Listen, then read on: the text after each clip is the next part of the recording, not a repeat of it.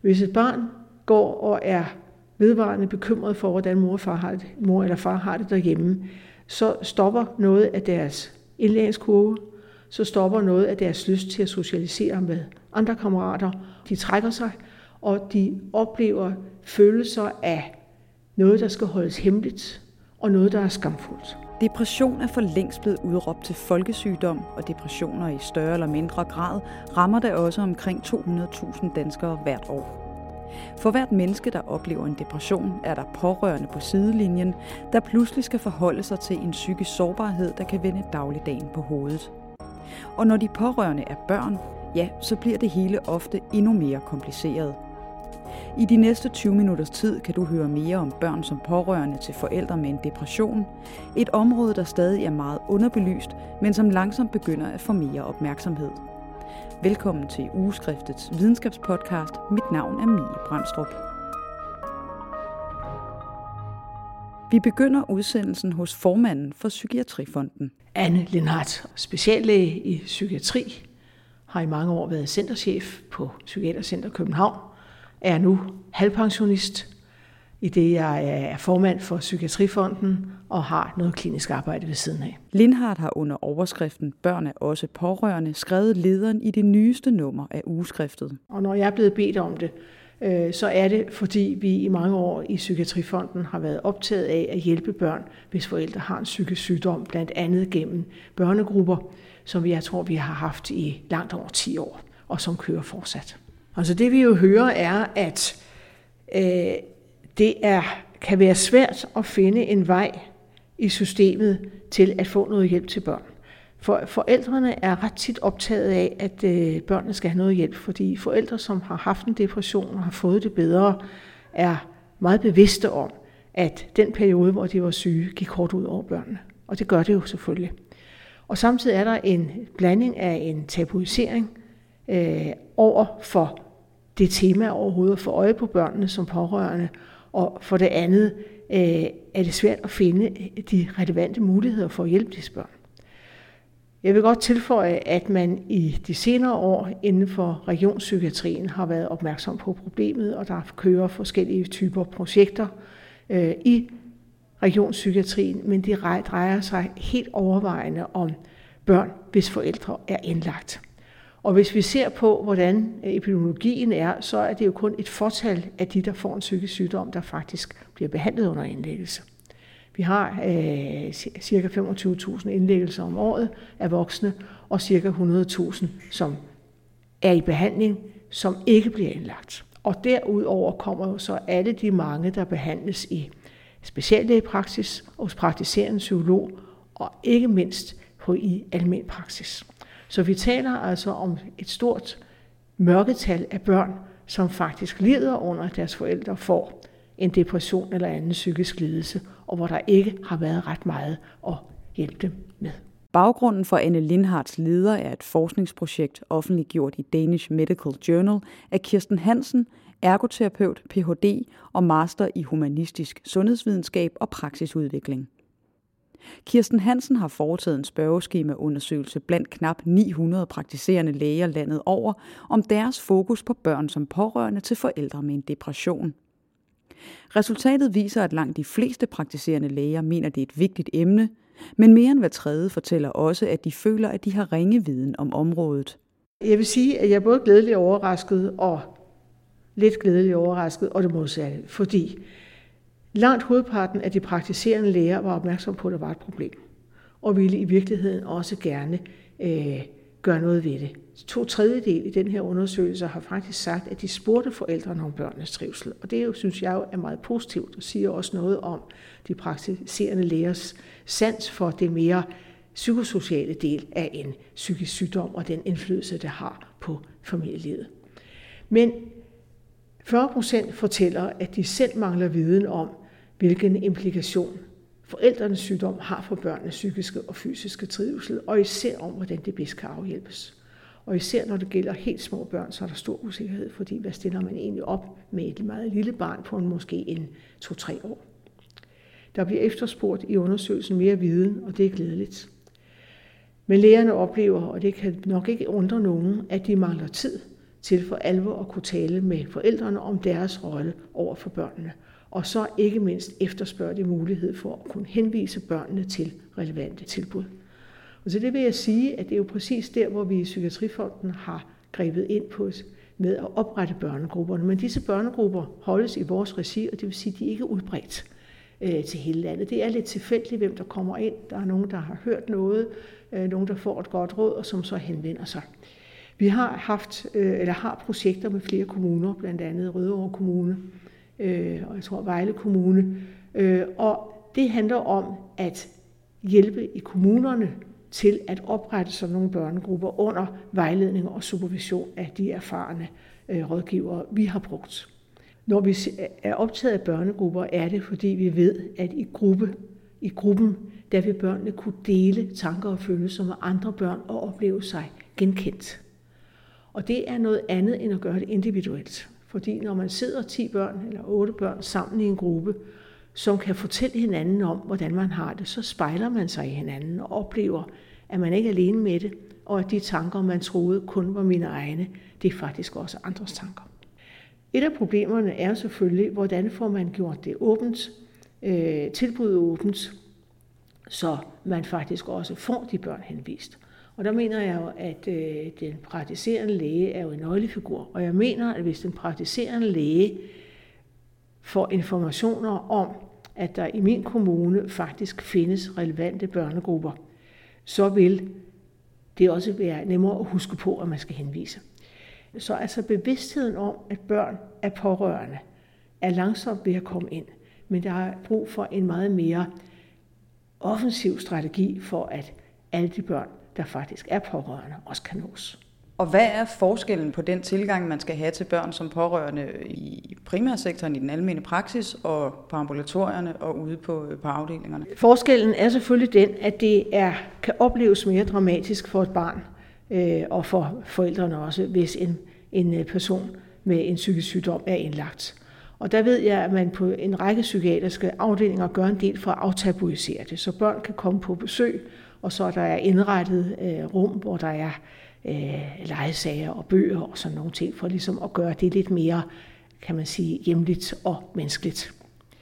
Men når man ser på dem, dem øh, de børn, hvis forældre øh, kun kommer i ambulatorier eller i, i, i praksissektoren, øh, så er der jo sådan set ingenting. Og det, der ikke er nogen tvivl om, det er, at disse børn oplever jo meget det samme, som de børns forældre har indlagt, nemlig at der er et eller andet, de ikke forstår. De forstår ikke, hvorfor far og mor trækker sig ind i sig selv, er svære at få kontakt med, måske bliver kede af det, græder af angst. Og det, der næsten altid sker hos børn, det er, at de oplever, at det er nok min skyld, jeg har godt nok gjort noget galt. Og dermed er vi så inde i den der onde spiral, hvor børnene vil lære noget viden i sig selv om, at jeg har gjort noget galt. Det er min skyld, at mine forældre fik det dårligt. Øh, og det kan de blive meget, meget ensomme med. Og så ser man en række problemer i skolen, som kan være sådan noget som trække sig tilbage, eller måske det modsatte og reagere lidt vildt. Øh, skolefobi, altså hvor de holder sig hjemme fra skole, fordi de skal blive hjemme og passe på far og mor. Øh, dårligere indlæring og vanskeligt ved at snakke ordentligt med kammeraterne. Så man kan sige, der starter en virkelig ond kæde af en hæmning af en almindelig psykosocial udvikling, som på sigt, og det ved vi også, kan føre til, at disse børn øh, som unge og voksne selv får udvikler egentlig behandlingskrævende psykiske sygdomme. Og det er sagt uden om hele den del af det, der også kan være arv. Så selve den onde spiral af den psykosociale kæde af begivenheder kan føre til, at børnene selv udvikler psykisk sygdom.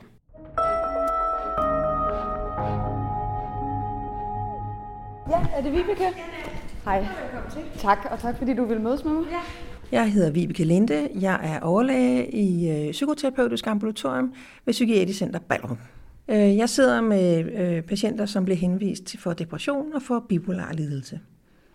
Og nu sidder vi jo her på dit kontor, og jeg sidder med en øh, kaffekop, hvor der står børn som pårørende skrevet med meget fin orange børneskrift. Hvordan er din interesse for det her område omkring børn som pårørende startet? Den er nok startet, da jeg var obstetiker, hvor jeg sad med psykisk sårbare gravide, og så, hvordan dels de selv havde det, og hvis de havde ældre børn, øh, hvordan havde børnene det, og hvordan var samspillet mellem mor og barn. Og der kunne man se, at det var ikke altid godt. Og de var præget af, at mor havde en psykisk sygdom, samtidig med, at hun var gravid. Og som obstetriker har jeg jo så også deltaget i det øh, forebyggende øh, samarbejde mellem spædbørnspsykiatrien, voksenpsykiatrien øh, og øh, obstetrikerne. Og der har vi jo, på den måde har jeg jo fået fokus på, at man skal huske børnene. Fordi vores spædbarnspsykiater altid sagde, husk børnene. Og det gælder så også for de store børn. Så, og så har jeg selv arbejdet halvt år på et spædbarnspsykiatrisk ambulatorium i, i Bispebjerg, eller på Bispebjerg. Og det var meget givende og en øjenåbner. Øh, og så har jeg taget det med her i, i voksenpsykiatrien, hvor vi sidder nu. En øjenåbner på hvilken måde? En øjenåbner på, øh, hvor meget børnene kan tage skade af, eller i hvert fald bliver påvirket af, at øh, en forælder mistrives. Uanset om det egentlig er, hvad skal man sige, parforholdsproblemer, som måske ender i skilsmisse, eller om det er på grund af sygdom hos en af forældrene. Øh, og hos de helt små, der er det jo øh, helt vitalt, øh, at vi øh, får behandlet møderne for, eller, og fædrene, øh, fordi de små børn er livs, altså det er helt, øh, de er afhængige af, øh, at øh, de har nogle voksne, som kan passe på dem. Og hvis de ikke får øh, tilstrækkeligt med stimulation, øh, både fysisk, men altså også psykisk, følelsesmæssigt, jamen så kan de tage skade, og de kan faktisk dø. Og de erfaringer, du har gjort der i dit tidligere arbejde, hvordan har du så brugt det i dit arbejde som, som psykiater her på stedet?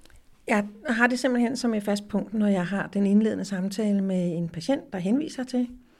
Øh, når vi taler om øh, behandlingstilbuddet, så er det et fast punkt, at vi øh, dels har pårørende samtaler, og vi øh, anbefaler meget, at øh, deres partner eller anden øh, pårørende kommer med her ind til en, en samtale og får at vide, hvad, øh, hvad betyder det at have en depression for eksempel, og hvordan kan de bedst støtte op om deres syge partner.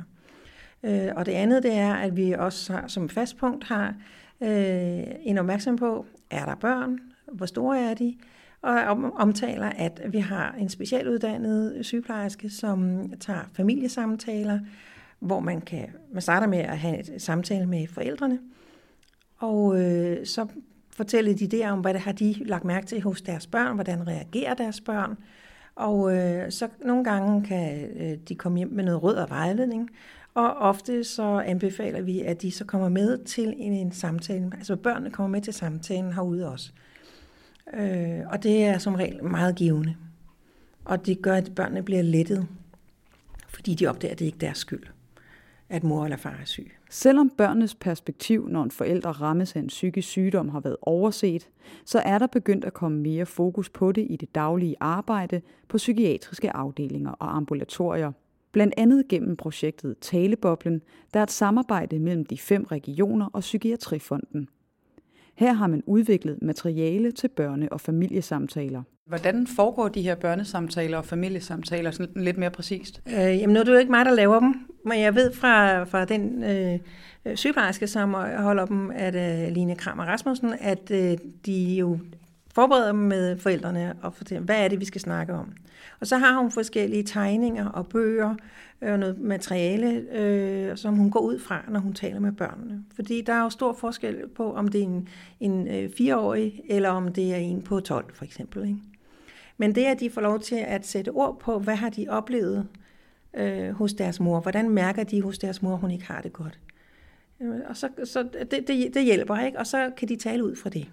Om det er en tegning, eller en dukke, eller hvad det nu er. Men det er klart, der er forskel på, om det er en 12-årig, så man godt kan sætte en masse ord på og fortælle noget om, hvad vil det sige at have en depression. At man er trist, at man ikke har lyst til noget, at man ikke har nogen energi, at man ikke kan huske noget, at man måske sover dårligt, osv. osv. Øh, det kan du godt forklare en, en, et stort barn. Men det kan du ikke forklare med, på den måde øh, til en sådan 4-5-årig. Der er det mere med at demonstrere følelser, og hvad kan hun gøre, barnet, hvad kan forældrene gøre, eller hvorfor, hvorfor sker det? Og at det ikke er fordi, at mor eller far ikke elsker barnet mere. Øh, og vi ved jo også fra kraftforskningen øh, øh, og det kræftens bekæmpelse gør øh, i forhold til øh, børnegrupper og ungegrupper, at det, det fylder meget for børnene, at en forælder er syg. Så jeg tror, vi kan hente noget viden derfra. Men det er stadigvæk meget tabu. Og i forhold til de psykiatriske lidelser, der er det jo endnu mere tabu. Taleboblen er jo et, et projekt, som Psykiatrifonden laver i samarbejde med, med, med alle regionerne. Mm. Øh, hvad betyder det, at man nu også sådan fra, fra regionernes side og, og mere sådan systematisk må se, begynder rent faktisk at have fokus på noget, som, som har været lidt nedprioriteret? Jeg tror, det er en styrke, at, øh, at alle regioner nu er med. Øhm, dels så er der jo forhåbentlig en mulighed for, at vi så kan få udvekslet nogle idéer og nogle erfaringer på tværs af regionerne. Øh, og sådan som jeg har forstået det, er de, de her specialuddannede øh, personaler nu øh, ved at lave et netværk på, på tværs af landet. Og, og det kan kun være en styrkelse, at der bliver sat ind centralt fra. Jeg synes, jeg ser det som en rigtig god ting. Jeg er glad for, at det sker. Og øh, måske også øh, lidt mere centralt fra at sige, at det her skal være en fast del af behandlingsplanen for eksempel. Uanset om man er indlagt på en sengeafdeling, eller man går i et ambulatorium men at det bliver et fast punkt i, i behandlingsplanen, øh, som vi jo laver for alle øh, behandlingsforløb og for alle patienter. Og for dem, der går i et langt forløb, der bliver den jo revurderet regelmæssigt. Ikke? Det tror jeg kunne være en, en god ting. Men måske skal man øh, ikke kun i psykiatrien, men også i somatikken øh, være opmærksom på det. Fordi man tænker ikke så meget over, at øh, børn er en, en person med, øh, med jeg ved ikke, sklerose eller med, med øh, ja, cancer er der jo øh, fokus på, men med andre lidelser, at de faktisk også, deres lidelser, hjertelidelser, hvad det nu kan være, øh, hvis de har kroniske smerter af forskellige art, at de også har børn, som øh, bliver påvirket af at have en forælder, der har kronisk ondt. Ja, fordi du, du nævnte jo tidligere det her med, at kræftens bekæmpelse for eksempel har nogle børnegrupper. Øh, der er jo, øh, når vi snakker kræfter, det er jo både i forhold til, at en forælder har det dårligt og har ondt, men der er jo også en risiko, at forældrene dør af, mm. af den, den sygdom. Er der måske lidt for meget en tendens til, at det her med børn som pårørende, uanset om det er psykiatri eller somatik, at det er sådan lidt et civilsamfundsprojekt, øh, og ikke så meget noget, som sundhedsvæsenet tager sig af? Ja, det tror jeg, du har ret i. At det, man forventer, at det sker andre steder. Ikke?